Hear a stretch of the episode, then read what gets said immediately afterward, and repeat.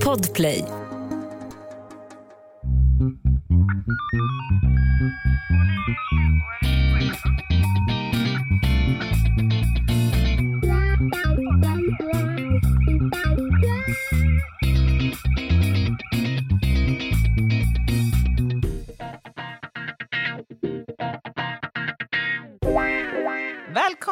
Till krimpoddarnas krimpodd med mig, Anna Jinghede och...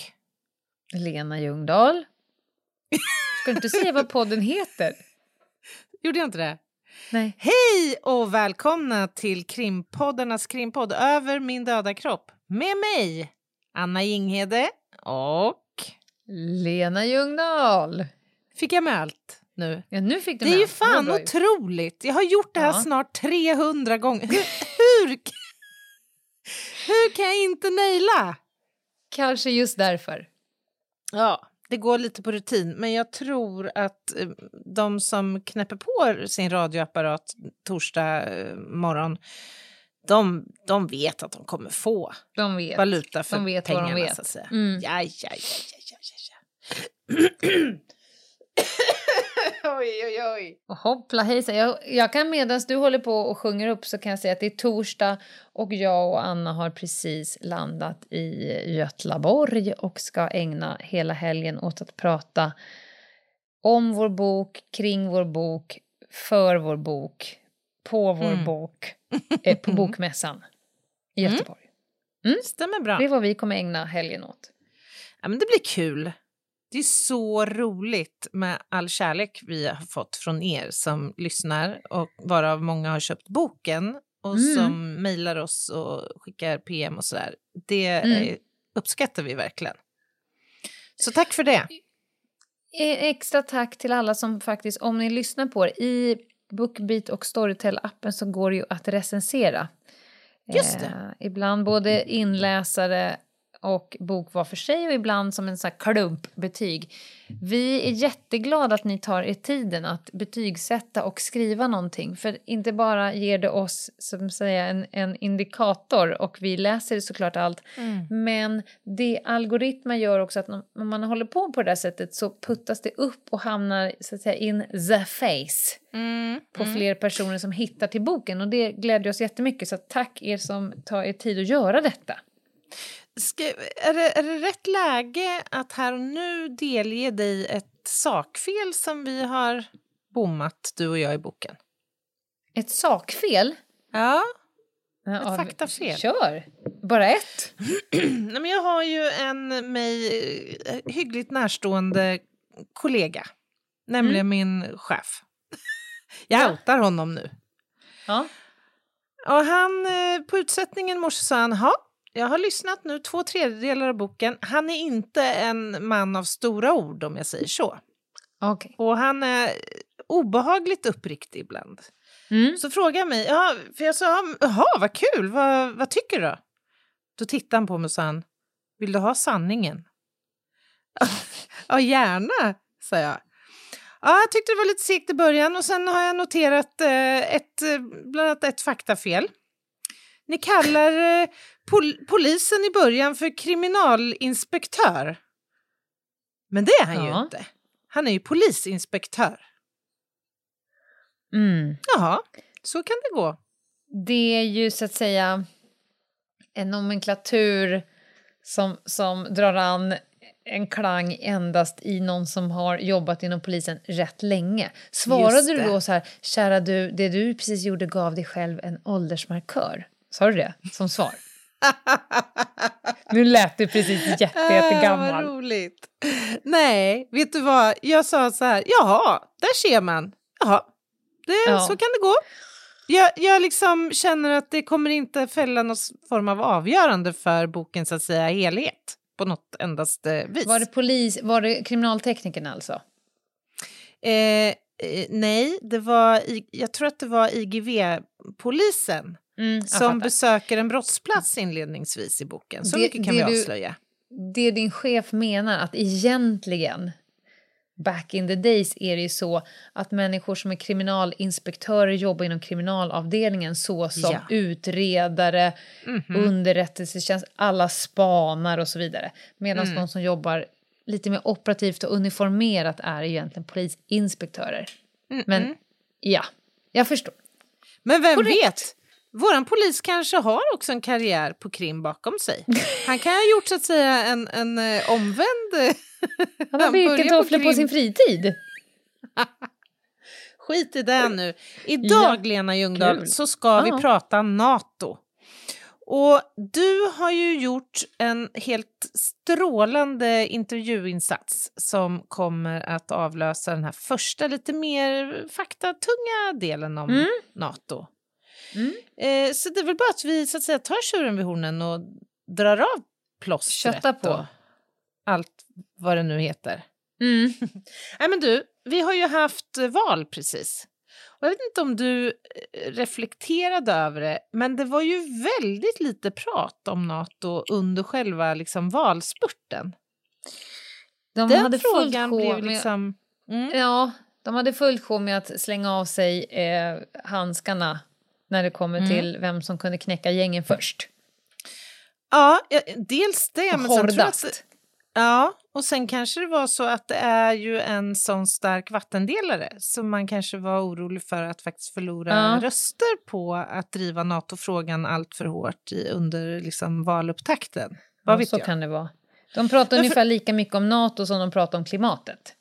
Ja, ja Mm. faktiskt. Ja. Men för några månader sedan så var ju frågan om Nato ganska het. Och detta med anledning av vad som eh, händer i Ukraina naturligtvis. Mm. Världsläget blev liksom över en natt ett, ett annat på, för vår del av världen kan man väl säga. Och det är ju så att Sverige har skrivit under en ansökningsdokument eh, dokument, som du hade sagt. Ja. Och den så kallade ansökningsprocessen är ju i och med detta inledd. Sen är det ju så att förutsättningen för att vi ska kunna bli medlemmar, fullvärdiga medlemmar av Nato, det är ju att samtliga 30 medlemsländer faktiskt också godkänner den här ansökan. mm. Och som du och kanske andra känner till så är det ju så att det finns ju några länder, framförallt Turkiet, som är tveksamma till vårt medlemskap. Inte bara vårt utan även eh, Finlands. Ja. Så vi får ju se hur det går. Och det här Ja. sker inte över en natt. Det kan Nej, ta det eh, minst ett halvår liksom innan den här processen Mm. har avhandlats i respektive medlemsland. Men jag, jag tänkte vi, vi bör ju lägga någon slags grund för kunskapen om Nato. Och jag måste erkänna att jag var extremt tunn på Nato innan frågan aktualiserades kring ett svenskt medlemskap. Mm. Sen har jag eh, läst på lite och förhört mig lite om detta och eh, ja, jag måste erkänna att jag har varit pinsamt dåligt insatt egentligen i liksom, Nato som företeelse och vad det innebär för Sverige och så. Det kommer ju ni prata väldigt mycket om i intervjun. Mm. Mm. Men vet du vad Nato står för? Förkortningen? Bo- mm. Nej. North Atlantic Treaty Organization. Mhm. Och detta, denna lilla eh, förkortning, den föddes 1949 genom det nordatlantiska fördraget som eh, instiftades den 4 april 1949 och då eh, liksom ett antal nationer bildade Nato. Eh, och jag ska faktiskt, jag tänkte passa på att läsa upp den inledande texten i fördraget. Tror du det kan tilltala någon? Ah, mig? Resten skiter jag i. Parterna i detta fördrag bekräftar sin tilltro till ändamålen och grundsatserna i Förenta nationernas stadga och sin vilja att leva i fred med alla folk och alla regeringar. Parterna är fast beslutna att trygga sin folks frihet, gemensamma arv och civilisation vilka grundar sig på demokratiska principer, principer om den enskilda människans frihet och rättsstatsprincipen. De strävar efter att främja stabilitet och välfärd i den nordatlantiska regionen. Parterna har föresatt sig att förena sina ansträngningar att upprätta ett kollektivt försvar och upprätthålla fred och säkerhet. De ingår därför detta nordatlantiska fördrag. Stora bild- ord. Ja, visst är det. Och sen Mm. följer då i fördraget 14 eh, artiklar som mer ingående beskriver då eh, den här alliansens, så att säga, stadgar. Mm. Eh, Nato brukar också kallas Atlantpakten eller västliga försvarsalliansen och den bildades då alltså under kalla kriget och i en tid då ju Sovjet förde en ganska, vad ska man kalla den, aggressiv offensiv politik eh, och där det fanns starka eh, kommunistiska intressen. Och det här gjorde ju att Västeuropa blev ju försatt i någon slags eh, panik kanske är att ta i, men ändå det fanns ju en oro kring den här så att säga, ja, tilltagande kraften. Mm. Och då ville USA eh, garantera då länder som eventuellt kunde tänka sig att angripas militärt. Alltså att erbjuda de länderna ett militärt understöd mot ett angrepp från just eh, Sovjet. Och de först anslutna länderna, det var ett flertal. Det var bland annat USA, Kanada, Storbritannien, Norge, Island med flera. Och kanske har du även hört talas om Warszawapakten. Mm. Det är sånt här begrepp som, som jag själv hade hört talas om men som jag inte heller riktigt var säker på vad det egentligen innebar. Det var alltså Sovjets svar på Nato. Så de bildade en liknande allians mm, som då innefattade östmakterna. Eh, och, men den här lever ju inte kvar. Eh, Warszawapakten upplöstes någon gång under 1990-talet. Vi har en generalsekreterare i Nato. Han heter Jens Stoltenberg. Han är norrman. Och Mhm. han blev generalsekreterare 2014. Och snart så är det ett, om, eller ett nytt val. Så vi får se. Jag vet inte om han kan förlänga och sitta ännu längre. Jag vet inte. Mm. Men vi vet inte i alla fall vem som framöver kommer att leda Nato. Så är det. Det här är, får man ju ändå säga, det är ju ett unikt samarbete mellan ju två kontinenter som avgränsas av Atlanten helt enkelt. Mm. Eh, och ehm, idag så, så ingår då, som jag tror jag nämnde, 30 medlemsländer i Europa och Nordamerika. Och rollen då, Natos roll? Ja, men alltså det är en politisk och militär eh, allians. Tanken är ju då att Nato ska ge sina medlemsländer politiskt och militärt skydd. Och det innebär ju i realiteten alltså ett, ett kollektivt försvar eh, för de medlemsländerna som är anslutna helt enkelt. Och att man då inom alliansen hjälper varandra förenklat. Grundprincipen är att om ett angrepp sker mot ett NATO-land så har man liksom angripit hela NATO. Mm. Och det känns ju ganska bra, kan jag känna personligen. Det känns som Ja, en hygglig det- backup, så att säga. Ja, det är väl därför Putin har gått ut och sagt att om ni går med i NATO då kommer vi angripa er. Om ni Mm. ens tänker tanken, de vill ju såklart Mm. inte att NATO ska bli större och starkare. Det är klart. Det kan man ju Nej. förstå ur liksom hans horisont, att det innebär ju ett, ett, ett större motstånd för Mm. honom själv naturligtvis. Eh, Men, men faktum är att Nato inte bara liksom främjar medlemsländernas så att säga, intressen utan de försöker också faktiskt främja överläggningar och samtal eh, med och mellan länder som inte är med i Nato eh, och därmed också försöker förhindra konflikter. Mhm. Så att Nato är ju i grund och botten en, en organisation som jobbar eh, främst med och mest optimerat med fredliga lösningar. Men det finns naturligtvis en, också en militär kapacitet om så skulle behövas i olika typer av, av insatser. Men där syftet är att upprätthålla fred, alltså fredsbevarande operationer. Och det finns också kapacitet inom NATO, NATO för civil beredskap och kris och katastrofhjälp och sådär. Och ehm, organisationen då? Ja, alltså varje medlemsland är ju då representerat i Nato och närmare bestämt i Bryssel på huvudkvarteret där då en ambassadör från respektive land ja, företräder sin regering helt enkelt. Och det högst beslutande organet är det så kallade Nordatlantiska rådet, eller NATO-rådet, och det leds av generalsekreteraren. Eh, och det som jag tycker är lite fint med eh, Natos beslutsordning det är att alla beslut ska föranledas av konsensus mellan medlemsländerna. Just det. Och det kan ju förklara varför de här handläggningstiderna så att säga blir ganska långa. Det tar lite tid. Det kan ta lite tid, men det är en fin tycker jag, princip någonstans. När eh, jag läste på lite om Nato och sådär och funderade lite grann på vår egna så att säga, försvarskapacitet, Försvarsmakten, mm. så kan man ju fundera lite grann på vad som egentligen styr Försvarsmakten i Sverige och reglerar den. Eh, och då är det så att varje budgetår så beslutar regeringen om Försvarsmaktens eh, verksamhet, hur den ska så att säga, se ut under kommande budgetår.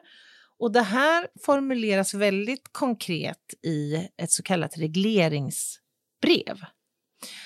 Och i regleringsbrevet, de, de är helt eh, så att säga offentliga. Det går, att, går alldeles utmärkt att googla fram de här och läsa om man är intresserad av det. Där anges så att säga, vilken form som Försvarsmakten ska delta i olika typer av verksamheter och militära insatser, forskning och utveckling, underrättelsearbete och säkerhetsarbete och så vidare. och Så vidare. Så att alla Försvarsmaktens grenar egentligen finns beskrivna där utifrån då en, en fastslagen ja, agenda kan man väl säga för kommande budgetår. Och där kan man säga då det jag hör dig säga att Försvarsmakten styrs eh, på samma sätt som Polismyndigheten. Exakt. De också får ett regleringsbrev varje år. Det här ska ni jobba ja. med på det här sättet. Mm. Så det är så att säga inte bara så att Försvarsmakten får en påse med pengar och så när det hopp och lek gör vad ni tror är rimligt mm. för den här slanten utan det är faktiskt ganska väl beskrivet och uppstyrt ja. eh, vad som ska, hur de här medlen ska användas. Mm. Det var Bra. vad jag har rotat fram om Nato som kanske ger en liten grund i alla fall inför ja, den här en... intervjun. Ja, det är en svinbra ingress, tror jag. För nu mm. ska vi efter pausen lyssna på vad Micke Ternlund, han som gästade oss när vi pratade om totalförsvaret, han kommer återigen och belyser eh, någonting som han kan väldigt mycket mer om. I det här fallet NATO. Det blir jättespännande. Ett poddtips från Podplay. I fallen jag aldrig glömmer djupdyker Hasse Aro i arbetet bakom några av Sveriges mest uppseendeväckande brottsutredningar. Går vi in med hemlig telefonavlyssning och, och då upplever vi att vi får en total förändring av hans beteende. Vad är det som händer nu? Vem är det som läcker? Och så säger han att jag är kriminell, jag har varit kriminell i hela mitt liv men att mörda ett barn, där går min gräns. Nya säsongen av Fallen jag aldrig glömmer på Podplay. Jajamän! Välkomna tillbaka efter pausen. Det är Över min döda kropp, krimpoddarnas krimpodd. Och vi är ju ute och vevar i ett område där vi inte har någon som helst aning. Och därför sitter jag återigen i Podplays studio tillsammans med Oliver bakom rattarna och framför mig har jag en eh, men du är ju en del av Över min döda kropp-familjen redan. Ja, men eller hur! Välkommen tillbaka till podden, Mikael Ternrud. Tack så mycket. Hur mår du? Jag mår bara bra. Sist pratade vi om eh, totalförsvaret. Ja, det gjorde vi. Någonting rätt måste jag ha gjort eftersom jag är här igen. Ja, ja, det tycker jag. Framförallt så vet du fortfarande mer än oss om vissa saker. Eh, ska vi ha någon form av recap på totalförsvaret? Minns vi ens vad vi pratade om? Ja, men det gjorde vi. Det här att det var ett gemensamt ansvar, inte bara det militära utan eh, det civila. Militär är en liten del, det civila totalförsvar, eller civila försvaret i stort och tillsammans Ja. blir det ett totalförsvar. Är det någonting som har ändrats sen, sen sist? Ja, men det har det faktiskt. Eh, I, eh, från och med första oktober så kommer det bli nya, en ny struktur så att säga som är beslutad. Och eh, den kommer göra att jag tror att to, civila försvaret och totalförsvaret kommer ta stora steg framåt under kommande år faktiskt. Och har det någonting att göra med eh, det vi ska prata om idag, vår ansökan och inträde i Nato? Eller är det, hade det varit så ändå? Ja, men jag tror nu eftersom det har tagits ett ordentligt tag och självklart kopplat till eh, Rysslands eh, angreppskrig på Ukraina. Mm. Så själv, jag tror att det kommer ändå, men eh, det ligger oss... Eh, det passar oss bra att göra nu kopplat till NATO-medlemsansökan också. Mm. Stopp och belägg. Angreppskrig. Jag kommer såklart gå utanför manus. Vi har, vi har några frågor på ett papper. Finns det olika typer av krig? Nej, det finns ju faktiskt inte. Nej, Nej men för det, eh, det, det känns ju som, för det har jag hört i den här, eh, det är så många som har tyckt och tänkt kring kriget i Ukraina. Och jag har hört lite olika versioner av, alltså definitioner av krig. Alltså att det är två som krigar mot varandra eller i det här fallet en krigar mot en och den andra bara försvarar sig. Ja. Nej, men jag skulle tro att anledningen till att man säger, för det är ett vanligt förekommande Ja, ord ja. just nu, det är nog det för att de annekterade ju Krim 2014. Ja, Mm. men det var ju också ett anfall på Ukraina egentligen. Mm. Kriget startade 2014. Sen fullföljdes det nu 2022. Så att, Det är eh, ett angrepp innan ja, det liksom... lite mer Okej, på hela landet. Jag fattar. Ja, men låt oss gå in på det vi ska prata om. Vi ska prata om Nato. Eh, först var alla svenskar experter på eh, pandemi och epidemiologi. Sen var alla eh, krigsexperter. Sen har alla blivit politiska experter och någonstans däremellan har också varenda svensk vid alla fikabord runt om i Sverige varit NATO-experter. Och jag har så att säga fällt in hovan och haft extremt lite åsikter om Nato av en enda anledning. Jag kan i princip ingenting om det. Jag kan känna saker om att bör vi eller bör vi inte gå med i Nato. Men jag kan inte så att säga befästa mina känslor i någon form av kunskap. Så att vi tänkte, och jag tror att vi nämnde redan i avsnittet om totalförsvaret, att vi behöver lära oss mer om Nato. Då, nu kör vi det. Kan vi bara börja med var är vi just nu? Eh, Sverige versus Nato. Är vi med? Är vi inte med? Är vi på väg in? Vad händer just nu? Just nu så har vi ansökt om ett medlemskap eh, och vi är på väg in.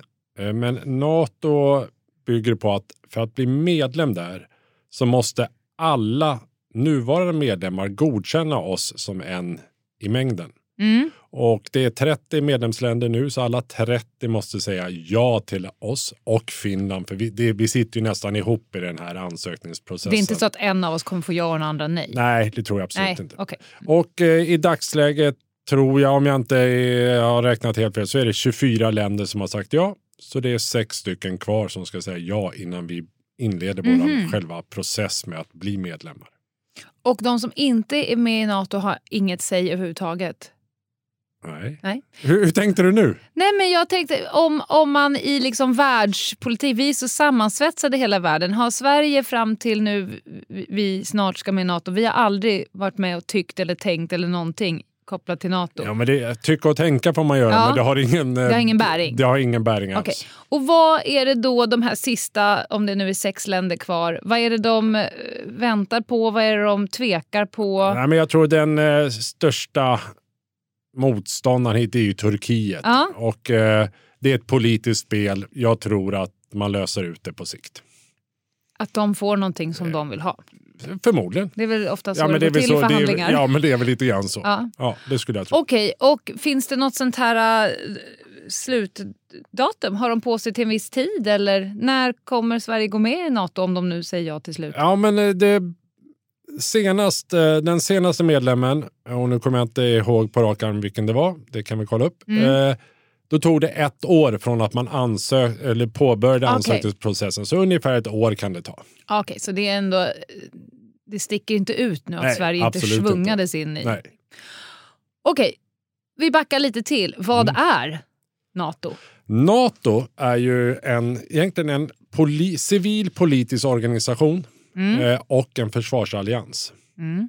Och den bygger på att eh, man tillsammans då ska ha ett gemensam försvarsallians för att hjälpa varandra om det blir ett krig. Mm. Men den är helt politiskt styrd. Så att eh, om man säger Nato i toppen så finns det någonting som heter Nordatlantiska rådet. Mm. Eh, och det heter det på svenska, North Atlantic Council tror jag det heter Mm. på engelska, då, NAC. Eh, och där i sitter varje medlemsland eh, har en ambassadör i NATO-högkvarteret som Mm. representerar varje land. Eh, oftast är det någon från respektive lands utrikesdepartement. Ligger det här i USA? Nej, det här ligger i Bryssel. Jaha, okej. Eh, USA är bara en medlem i NATO, Mm. precis som eh, de flesta europeiska länder. Mm. Och eh, de här medlemsstaterna, de träffar, men de har tre nivåer de har möten på egentligen på det här rådet. Det är ambassadören, eh, den här respektive lands, någon från utrikesdepartementet som har, sitter där. Mm. Eller så är det utrikes och försvarsministern som eh, är på möte. Mm. Eller så är det statscheferna. Okej. Sen träffas de här olika ofta då. Men eh, den som driver, ska vi säga, respektive lands talan, där den här ambassadören, NATO-ambassadören i högkvarteret. Ja, så då får vi se när det här avsnittet sänds om vi vet. Det vet vi inte. Om, men nu när vi spelar in så vet vi inte vilken som blir vår statschef. Nej, det vet Nej. vi ju faktiskt inte. Men, men den det då blir kommer att få åka på möten inom Nato. Ja, men det kommer det göra. Och det, Men det är så här, vad säger stats och regeringschef, de kanske träffas en gång om året. Mm, jag så. Men i alla fall så är det ju oftare de med utrikes och försvarsministrar och nästan varje vecka med de här ambassadörerna som sitter i högkvarteret.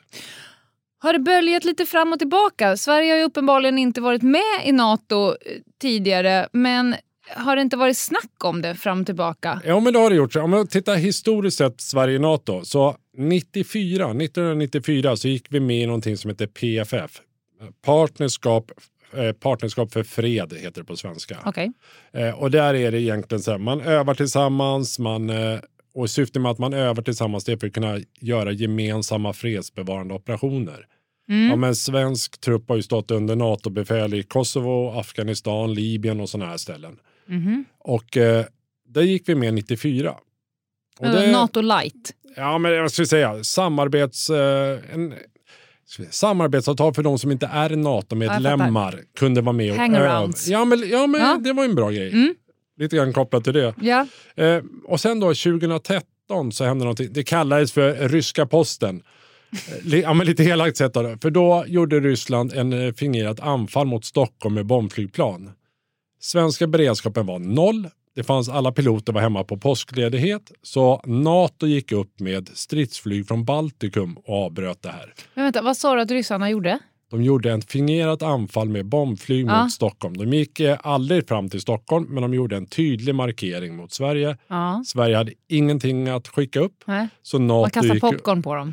Det var inte ens, jag tror inte ens Sverige riktigt upptäckte det. Det var NATO Okej. som gick upp med flyg från Baltikum Ja. och eh, gensköt det här.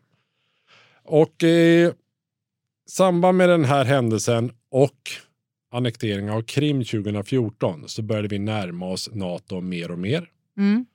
Och eh, 2014 så skapade NATO ytterligare en, vad ska säga, för de som inte vill NATO-medlemmar, ännu mera samverkansdelar, mera Mm. övningsverksamhet och sånt. Så med hjälp av den där organisationen då, så var vi med i den största militära övning som har skett i Europa sedan andra världskriget skedde 2018 och då var Sverige och Finland med i den här och övade. Okej. På det sättet varit med och vi har sedan eh, 2013 också en, skickar vi ett bidrag till NATOs eh, insatsstyrka. Mhm. Och den heter eh, NATO Response Force. Och hur ska man beskriva den? Ja, men det är egentligen en stor styrka som de använder som brandkårsstyrka. Händer någonting så är det den man använder och den bidrar då. Alla länder bidrar med olika saker och så använder man den om det behövs. Då. Men då har vi ju varit med i liksom olika konstellationer och olika utformningar längs med åren. Och nu är vi på väg in som fullvärdiga medlemmar. Ja, men lite, lite ja. grann så här, vi har varit där och hjälpt till Ja. och vi har övat mycket med dem, men vi har inte varit medlemmar och är du inte medlem så får du inte vara med i hela planeringsprocessen Nej. och du skyddas inte av NATO Nej. på det sättet. då.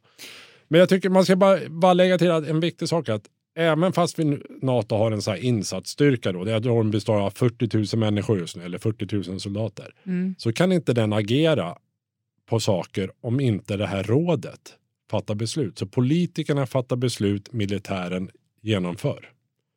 Mm. Det finns bara en enda gång som den militära Supreme Commanden i Europa, liksom den Mm. stora generalen i Europa som leder det här. Han får agera om något NATO-land blir angripet.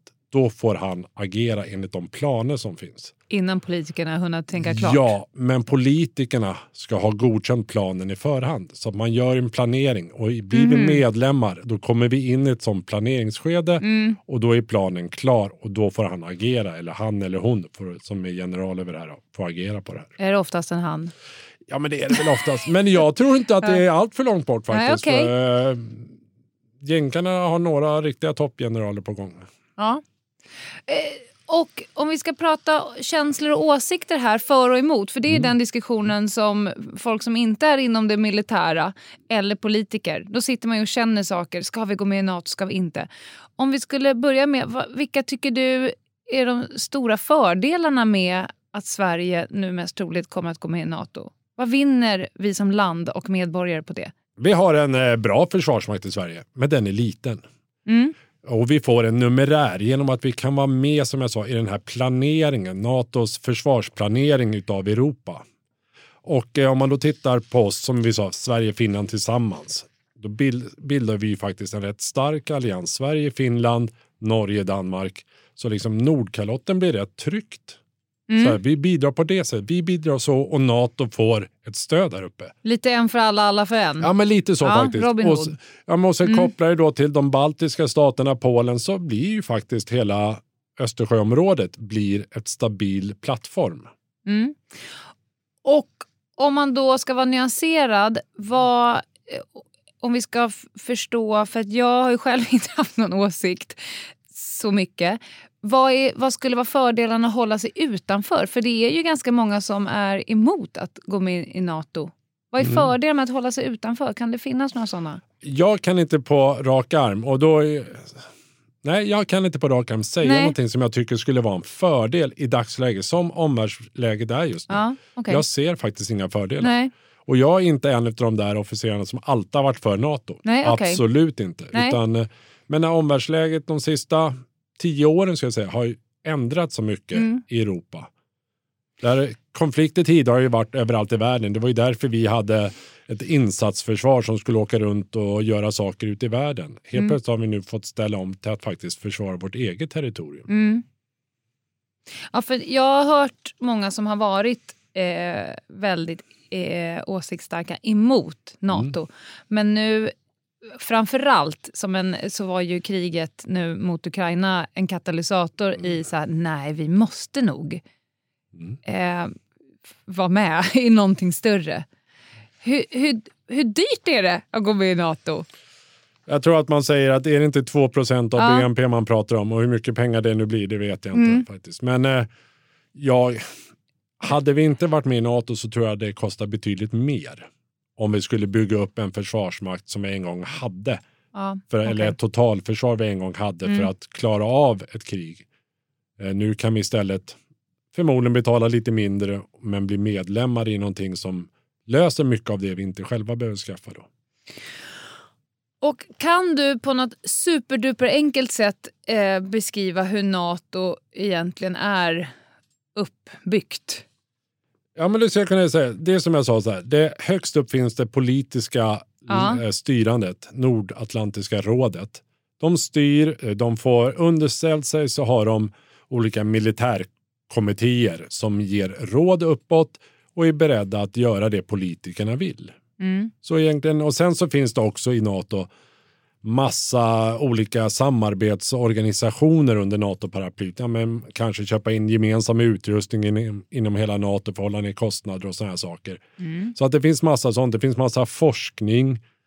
Det finns också det här kärnvapenprogrammet eh, där faktiskt varje medlem i NATO har en representant i det, även fast man inte har egna kärnvapen.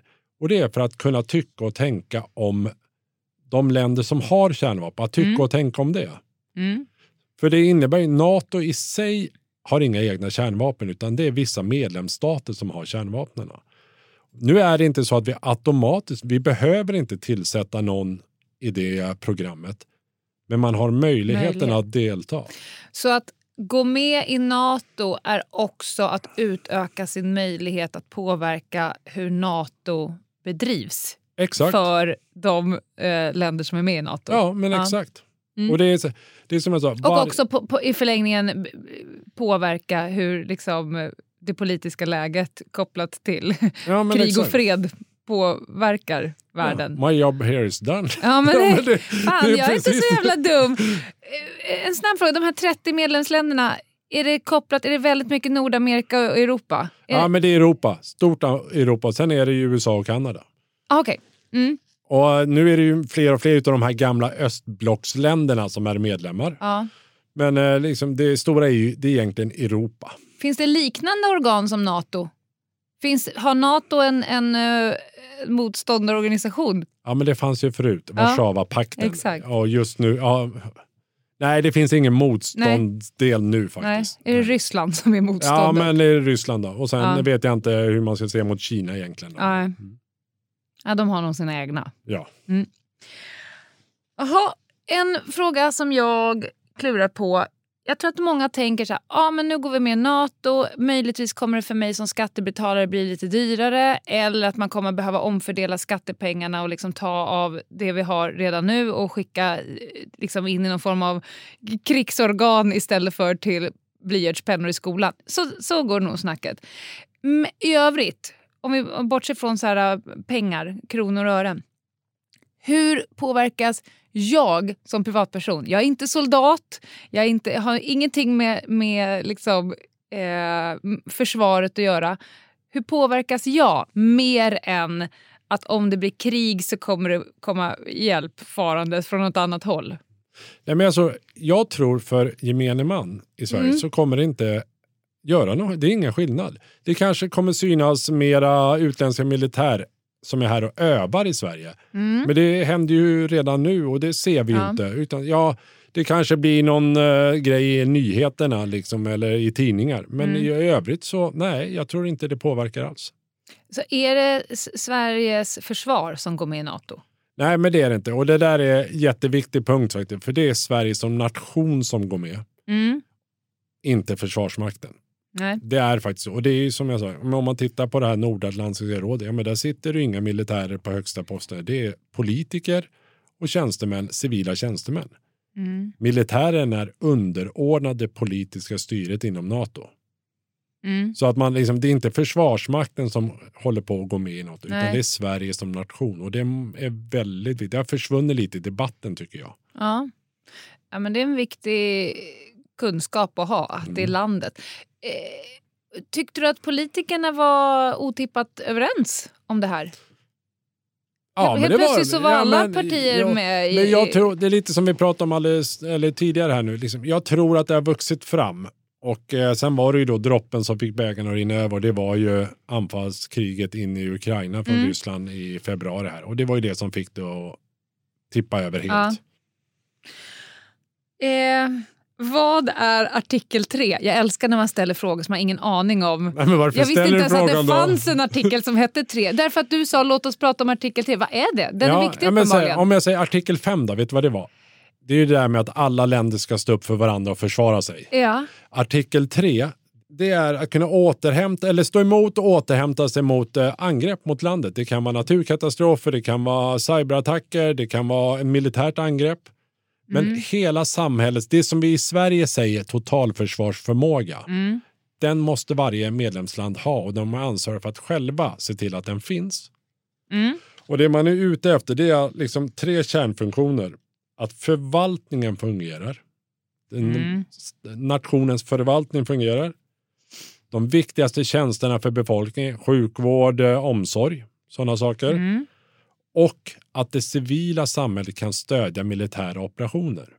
Mm. Och det är egentligen det vi i Sverige säger totalförsvar om. Mm. Det är civilförsvar Ja, plus. och det finns det Ja. då en styrning i NATO-stadgarna att varje land måste leva upp till det här. Och självklart, det gynnar ju hela den nationella krisberedskapen och sånt. Men hela grundtanken i det här är ju självklart också att om man behöver åka till ett annat land för att stödja dem, Mm. enligt artikel 5 då, där man ställer Mm. upp och stödja varandra, det som heter värdlandsstöd, att vi ska vara beredda att ta emot ett annat land som hjälper oss i Sverige. Mm. Ja, då måste det ju civila fungera. Det är därför man har en artikel 3, för det är grunden för att du ska klara av att ta emot en annan nation. För det är så, ja men den här stora styrkan är på 40 000 man. Mm. Det tar du inte emot hur som helst. Nej, de behöver käk. Ja, men de behöver käk, de behöver röra Ja. sig. Ja, men det, det är så Ja. mycket annat. Därför är det ett pussel. Och det, hela den här, om vi säger, i Sverige säger vi totalförsvar, men hela den debatten har ju försvunnit. För allting i media handlar om det militära försvaret Mm. och att vi ska tillsammans med andra länders soldater försvara oss. Ja, det är det yttersta. Men det finns så många andra delar i NATO. Och igen, den styrs utav en politisk organisation. En Mm. politisk styrning utav NATO.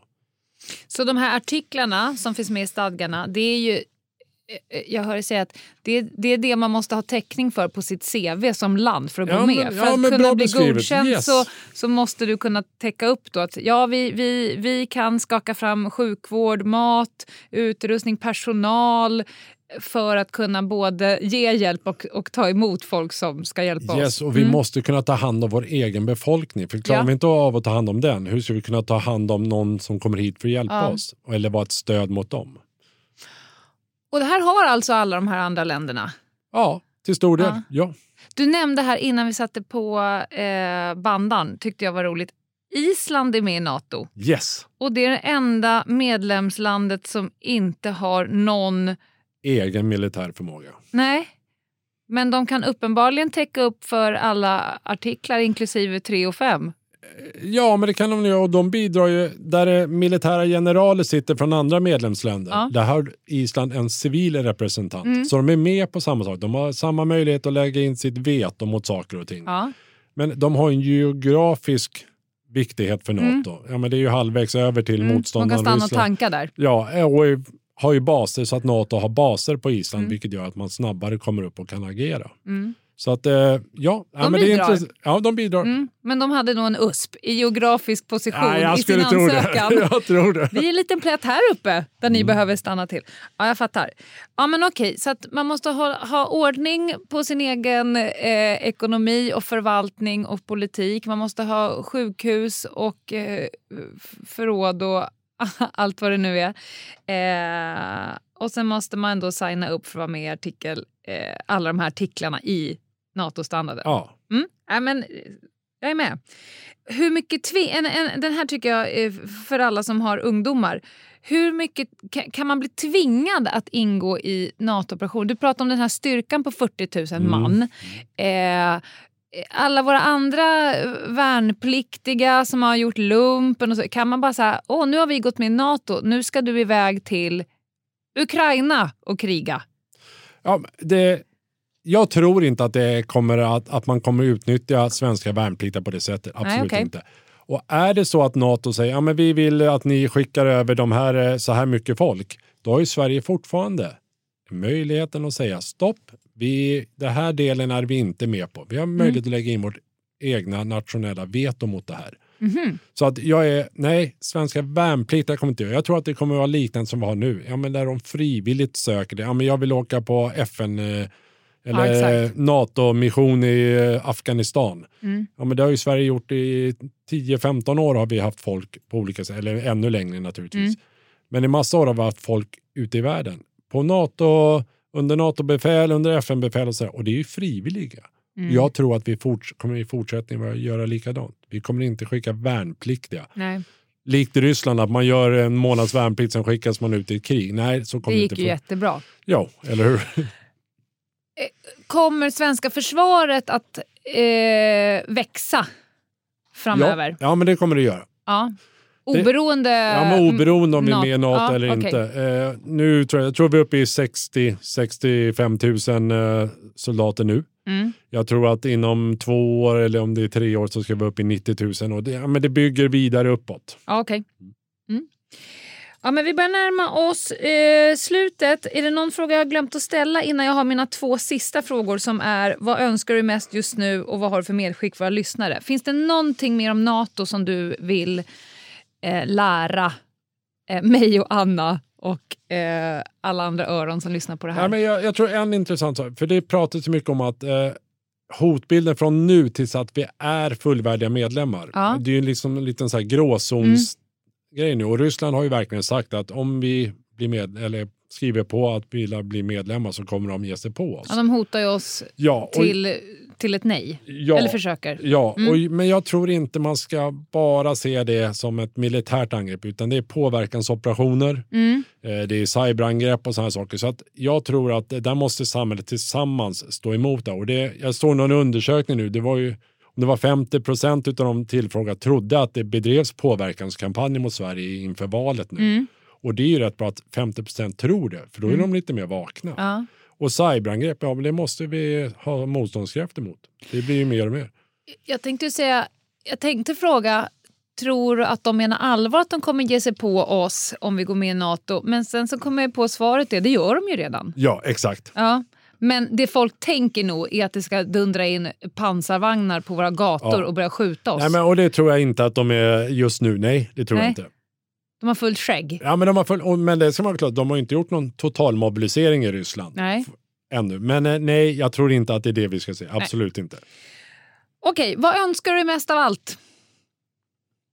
Eh, att faktiskt, att det inte tar eh, massa månader innan vi får en eh, regering i det här landet. Det skulle inte gynna oss i varken säkerhetsläget eller NATO-medlemskap och sådana här saker. Att det kan eh, gå fort den här gången. Att det inte blir favorit i repris? Ja, men liksom, det är jag lite orolig för om man tittar Mm. faktiskt för oss som land. Jag sa det häromdagen till en vän. Orkar nu inte se massa eh, Instagram-klipp på eh, partiledare som går in och ut i, i talmannens rum och käkar wienerbröd alltså. Nej. Nej, men jag håller med. Det, det skulle jag önska att det faktiskt den här gången går fort. Och har du något medskick till våra lyssnare så här Nej, på slutet? det var lite det du, precis det du la in det, att man tänker på det är Sverige som nation som Ja. går med i NATO, inte en försvarsmakt. Tack snälla Mikael Tärnlund för att du återigen kom till vår podd och eh, eh, skänkte lite, faktiskt också lite lugn och trygghet. Jag tycker ändå, ibland kan man känna här, ju mer man lär sig om någonting som är skrämmande, allting som har med krig och fred och militär, det kan ju vara ganska stort mörkt och sådär men det, jag tycker att det har motsatt effekt. När man lär sig mer så blir man också lite lugnare och tryggare. Och men också bra. lättare att, att, att skapa sig en, eh, en, en åsikt som är baserad på fakta och inte känsla. Tack snälla! Välkomna tillbaka. Och eh, återigen, bra jobbat Lena. Fan vad duktig du har blivit på att hålla intervjuer. Hörru. Jag börjar få svung.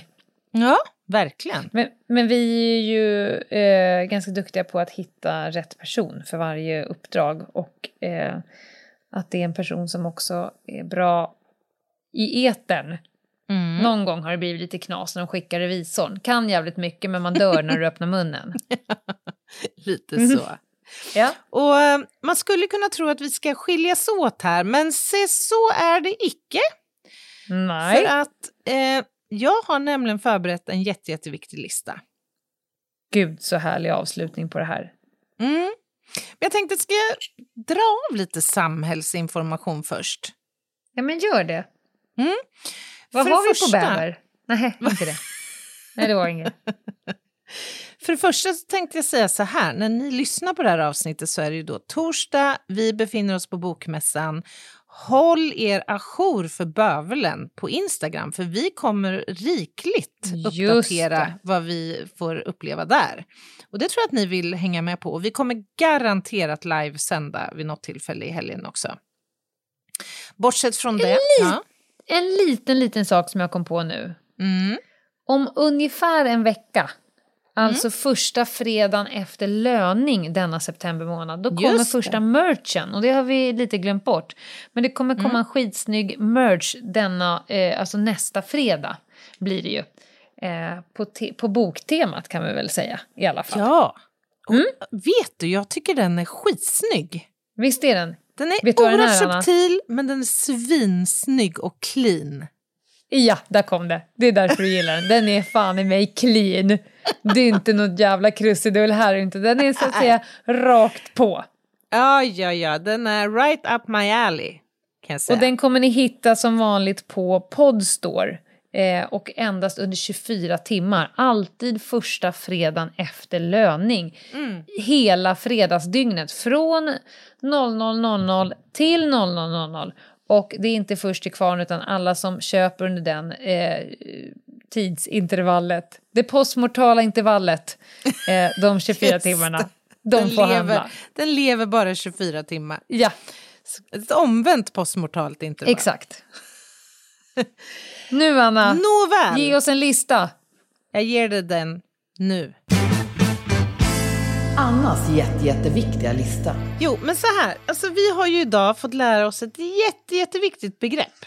Nämligen NATO. Och att det står för North Atlantic Treaty Organization. Mm. Mm. Och jag tänkte att vi skulle spinna vidare lite grann på, på samma tema. Alltså vi har ju, man känner ju till ett antal militära uttryck och sådär. Mm. Vad sägs om ålning medelst hasning eller slingring för den delen? Den är fin. Ladda, skott kommer klart bakåt. Mm. Den är också Tänt bra. vara här. Exakt. Det här är extremt möpigt ju. Ja, det här är möpigt. Ja, De vill, får jag också slänga in orden inhibera och mittåt? ja, Mm. gärna. Gärna det. Ja. Jag tänkte att vi skulle prata lite grann idag om eh, militära minnesramsor. Alltså Mhm. akronymer som har funnits se- sedan eh, någon gång på 50-talet, 1950-talet. Mm. Ja, precis. Ja. Alltså det här, när jag började göra lite research för det här, då var det som att en helt ny värld öppnade sig för mig. Det är så sjukt att göra research på det här ämnet, men absolut, kör! Alltså syftet med de här minnesramsorna då, det- är ju att de ska hjälpa soldater och befäl att göra rätt åtgärder. Och Mm. alla åtgärder i rätt ordning när då en viss specifik uppgift ska lösas. Annars blir det knis. Ja, det blir knis. Och de här rem, eh, remsorna också, ramsorna, de är officiella eh, och trycks i militära handböcker. Eh, akronymerna måste också vara uttalbara för att göra dem lätta att minnas. Så det här tycker jag är spännande. Eh, för det, om, om jag bara ger dig några första exempel Det här. är som jag jobbigt att ha en hittat med- ramsa som inte går att säga. Ja, men det är det ju. Men, men lyssna ändå. på. Du får några här bara först. Mm. Krubmars, Aperotik, Uamua, Metane, Mm. Eo, Eobusare, Sara, Sara R, Mekbat, Obslösa, Gorsugas. Där får du några första. Tror att det är några av våra lyssnare nu som får så att säga lite rabarbersvaj. Det är jag helt övertygad om. Men för mig är det fan helt... Alltså det här är så fascinerande. För det första, min första reflektion alldeles nu innan jag ger dig nummer fem på listan, det är ju att Ja. det är så fantastiskt många minnesramsor så man skulle behöva ha en minnesramsa för att komma För ihåg alla minnesram- man- minnesramsorna. Ja, ja, Men nåväl, jag ger dig plats nummer fem. Brak. ja. B- brak. Ja, Ja, men Det det, står- det, ja. kan du den? Får jag bara gissa? Gärna. Det här är en tränings... Eh, det här är en träningsakronym. Bröst, Jajamän. rygg, axlar, ben. Jag tror, om, om jag är rätt informerad, nej, det stämmer. Jag har skrivit buk på ett ställe och bröst på ett annat. Eh, vi kan säga att det är, inkluderar både två, kanske bål till och med. Ja. Bröst eller då buk, Nu kommer Mm. få hundra mejl om det här. Rygg, armar och knän. Det är, alltså, det Mhm. är ju då... Eh, det betecknar alltså den fysiska träning som, som man ofta börjar dagen med på luckan, Ja. så att säga. Eh, och fokus är då på buk, eller om det nu är bröst, rygg, armar och knän med olika typer av blandade småövningar, till exempel sit-ups, rygglyft, armböjning, sträckning, upphopp, utfall och jägarvila. Men vänta, vänta. Ja. Knän. ja. De kunde, kunde de inte ha kommit på en bättre akronym så de fick med liksom ett B på slutet? Brab. Hörni, nu ska vi ut och träna knäna. Det är åtta övningar på patella idag. Ja, just det. Vi har åtta blandade småövningar för knäskålen. Ja. Okej, förlåt. Ja. Just a Underbart. thought. Ja, ja, ja, ja, ja. Okej, du får plats nummer fyra då. Och nu ska jag ge dig en minneslista för rörlig spaning och, och vad som gäller så att säga gruppens olika eh, medlemmar. Oj! Och det det här här är en... Ja, så jag, jag har lagt tyngdpunkt på spaning här Ja. i Fan, min fint. lista idag. Och den här minneslistan, den, den är ganska ny. Den publicerades i Soldaten i fält 2001. Mhm. Och den lyder Solo, Mhm. där S, första, eller första S. Ja. Mm. S i Första solo. bokstaven som råkar Ja, vara ett S. Ja. Första bokstaven. Stanna. Mm. Och, och, och då är rekommendationen alltså att stan- du ska stanna för att du ser och hör bättre stillastående. Då Och- kommer sen orientera. Nej, nej. Observera. Ja. Och, och då, där ska man då gärna svepa systematiskt med blicken över sitt närområde. Titta länge på varje punkt. Finns det någon där? En L. liten, liten, liten, liten passus bara som spanare. Ja. Jag hade ju blivit lite brydd om det gick en person som helt plötsligt tvärnitade, svepte med blicken och stirrade på varje person väldigt länge. ja, men nu får du ju ha med dig Okej. här att nu är man ju Mm. ute Du är terräng, I, du, ja. i spat. Mm. L. Lyssna. Mm. Och då, och då tänker jag direkt, här måste det vara superviktigt att alla i truppen så att säga står still. För det blir jättesvårt. jätte, jätte, jättesvårt att lyssna Ja, efter ja, ja. främmande, ja, du förstår. O. Ofta. Så det här ska du upprepa frekvent. Ja, okej. Ja, da capo. Stanna, observera, lyssna ofta. Okej. Jag tycker vi går in på de lite tyngre, den tyngre Mm. avdelningen. Här ska du få den minneslista du sent ska glömma, Ljungdahl. Rasojka. Mhm. Det här är också en minneslista för spaning. Det här är då eh, när chefen ska genomföra eh, vissa förberedelser. Rasojka. Repetera uppgiften. Avdela vilka som ska vara med i uppgiften. Samla gruppen skyddat. Stridsberedskapen höjs. Orientera gruppen och ge or- order. Mm. Indela gruppen om det inte är enligt standardrutin. Kontrollera materiel och att gruppmedlemmarna förstått. Och anmäl att grupper är klara att avgå. Rasojka. alltså, det...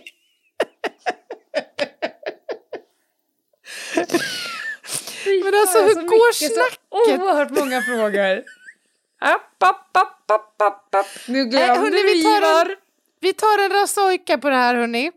Ingen lämnar, ingen lämnar nu gruppen utan nu blir det en rasojka innan, innan vi beger oss av här. Ja. Okej, jag tror jag går direkt vidare på plats nummer Ja. två. För den är lika befängd. Uffe Tosso. Det är Ja. planeringsstöd eh, under Ja. förberedelsearbetet inför då att en, en grupp eller en enhet ska ut i strid. Mm. Ja, och, och minnes, den här minnesregeln brukar beskrivas som en minnesregel för eldöverfall. Uffe tos, Tosso. Det Mhm. står för uppgift, framryckning, eld, tillbakaryckning, återsamling, sjukvård, stridsledning, samband och omfall. Men, En liten, liten sak bara. Om det så att säga går framåt Ah, och någon Ja. börjar beskjuta dig så. Mm. Tror du att om du inte har en ramsa, tror du att du inte kommer ändå komma på att du ska så att säga backa och om någon är skadad ge, ge sjukvård? Och men det är sen det så... jag också tänker. Alltså jag tänker som Du du, skjuter här, på mig och jag tänker, Ja. vänta, vänta, vänta. Var det fram eller bak nu? Precis. Var det... Var var jag nu? Har pojkar. jag gjort ufet? Jag kom till ufet. Vad är jag nu? Åh, återsamling. Just det. Vi måste gruppera om kanske. Vi måste samla, samla truppen. Ja. Nej, men alltså, Jag behöver sjukvård, jag behöver sjukvård. Tyst Sören, jag är på F1. Jag har inte Jag kommit till S1 än. framryckningsfas här. Ja, jag har inte kommit till S1 än. Ligg still. Sören också. Tilltalar man inte varandra vid efternamn? Ja, just det. Tyst Olsson. Jag, Kronblom. jag är på väg i återsamlingsfas här nu. Sjukvården får anstå. Jag tycker det verkar så, nästan så att de här minneslistorna känns som att de skulle kunna bli lite kontraproduktiva. Och jag tänker så här, om det nu finns, låt säga 50 minneslistor, för det tror jag att det gör. Det verkar ju vara jädrigt stökigt också att hålla rätt på vilken är det nu jag ska ha. Är det Uffe Tosso eller är det, Mushimashi. Och det, eller jag, är jag det ju... Eobusare? Eller ska jag ha Oamua nu? Men, för det finns en som jag kan och, är, Ja. Mm. och ändå tycker är rimlig. Men den bildar ju så att säga en ordramsa som i sig är rimlig. Den heter ju Okej. stopp. Ja, Stanna, det. tänk, orientera, planera. Ja. Alltså när du känner att du är på väg in i fucking konen och knappt Mm, ser och hör. Säg att du är på väg hem från jobbet och hamnar i en trafikolycka och så blir du super, super stressad och stimmig. Stanna, Mm, tänk, orientera, planera. Stopp. Alltså där själva ordet i Ja. sig är stopp nu. Var är jag någonstans? Vart var jag på väg? Tänk till här nu. Du är Mm. på väg till dagis, förskola. Eh, du är i en trafikolycka, allt är okej. Orientera dig, var, här kan jag inte stå, jag är mitt på det. E4. Planera. Så det har, finns ju en rimlighet i det hela. Mm. Men om man ska komma på Ufsnimorska, ja ja. Alltså det är ju...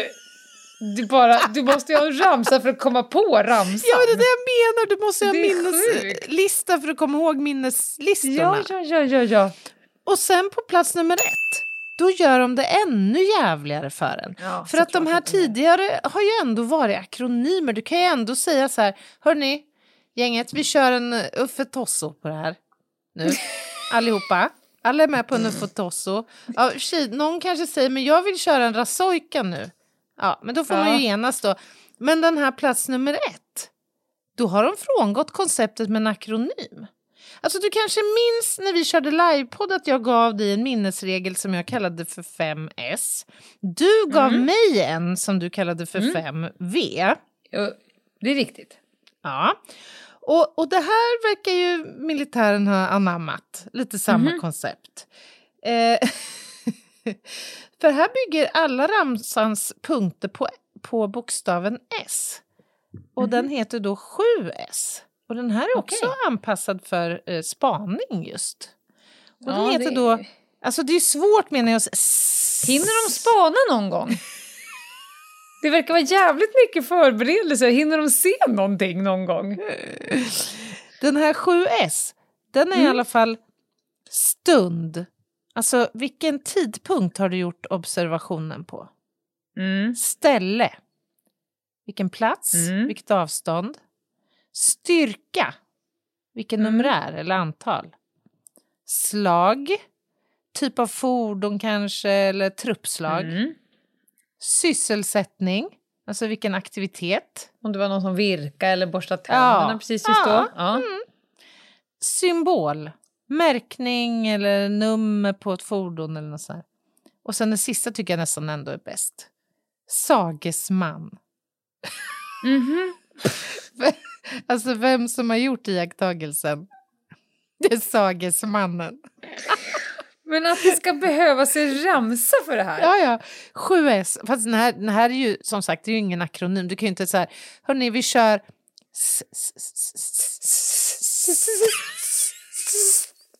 Ni har koll på eran Det är så dumt. Och det är så dumt. Ah, ja, det, det, blev en, det blev en lite kanske annorlunda lista idag, men jag tycker ändå att det här är en folkbildningspodd och vi måste ja, bjussa det här på behöver vi veta. det här måste ut i Mm. stugorna så att säga. Det här är inget man skojar bort. Om du har någon sån här eh, minnesramsa, vi minns ju alla den här eh, viskan och vi, ni ska, Vi ska äta. laga, ni ska äta. Vi ska, Ja. ja. Om ni Mm. har någon sån här eh, minneslista som ni faktiskt har haft nytta av Ja. IRL, inte bara något skit Ja. som något befäl, lärare eller annan förståsigpåare har lärt utan en, en ramsa som ni använder i er vardag. Just det. Så kan ni gå in på det inlägget som finns på Insta, Instagram kopplat till just det här avsnittet och faktiskt skriva er bästa minnes eh, Mm. det vore ramsa, kul. rebus, akronym där. Så kan vi se om det finns några som faktiskt lever. och alla ni Vi- jag har två- Ja. Jag har två faktiskt. Har som du? vi använder oss Aha. av hemma. Okej. TPA och TMI. Ja, TMI vet jag. Vad är TPA då? Är, TMI är alla gånger som någon familjemedlem berättar för de andra att nej men jag måste nog gå på toa. Då brukar jag säga så här, men det är TMI. Det är inte intressant vad du, varför du reser upp nu. Så här, smyg iväg. Men TPA är tänk på alla. Alltså om man har lagat k- k- köttfärssås utan kött i den här familjen och sen är det första hungerungen, då kan ju jag med sträng blick säga TPA. Alltså tänk på alla. Och så får man i så fall plussa på då, då sen. Men TPA, tänk på alla. Tänk på alla. Den, den, den används fryntligt. Har ni någon hemma? Nej, jag tror inte det faktiskt. Nej. Nej. Däremot är jag lite bekymrad nu för den här eh, leveransen, den här jätte, jätteviktiga listan. Jag gissar att vi kommer få cirka 300 mejl nu från olika typer av möpar som kommer ha synpunkter på att jag förmodligen har haft fel. Det kan vara någon bokstav fel här och där eller som kommer vilja ge oss mer på det här Mm. temat, så att säga. Det går Då kan de väl bara låta bli? Just jag möparna jag kan bara låta bli? det. Ja, det, det är välkomnar Om, om någon MÖP där ute vet hur många minneslistor det faktiskt finns så skulle Mm. det tycker jag skulle vara kul att veta. Jag vill också veta om de lamineras och stoppas i benfickan så man har så att säga ett med minneslistor. Ett kartotek. Det vore Mm. ju stök. Vänta, jag ska bara hitta rätt minneslista här. Vad är det på U? Eller Vad har vi S? på spaning? Och jävlar har vi 27 olika minneslistor. Vilken är det nu? Ja, nej. Nu för Tosso på dig Ljungdahl. Nu säger vi tack och godnatt. Och, Tack och godnatt, önskar alla lyssnare en härlig helg. Det gör vi. Bye! Bye, bye. Bye.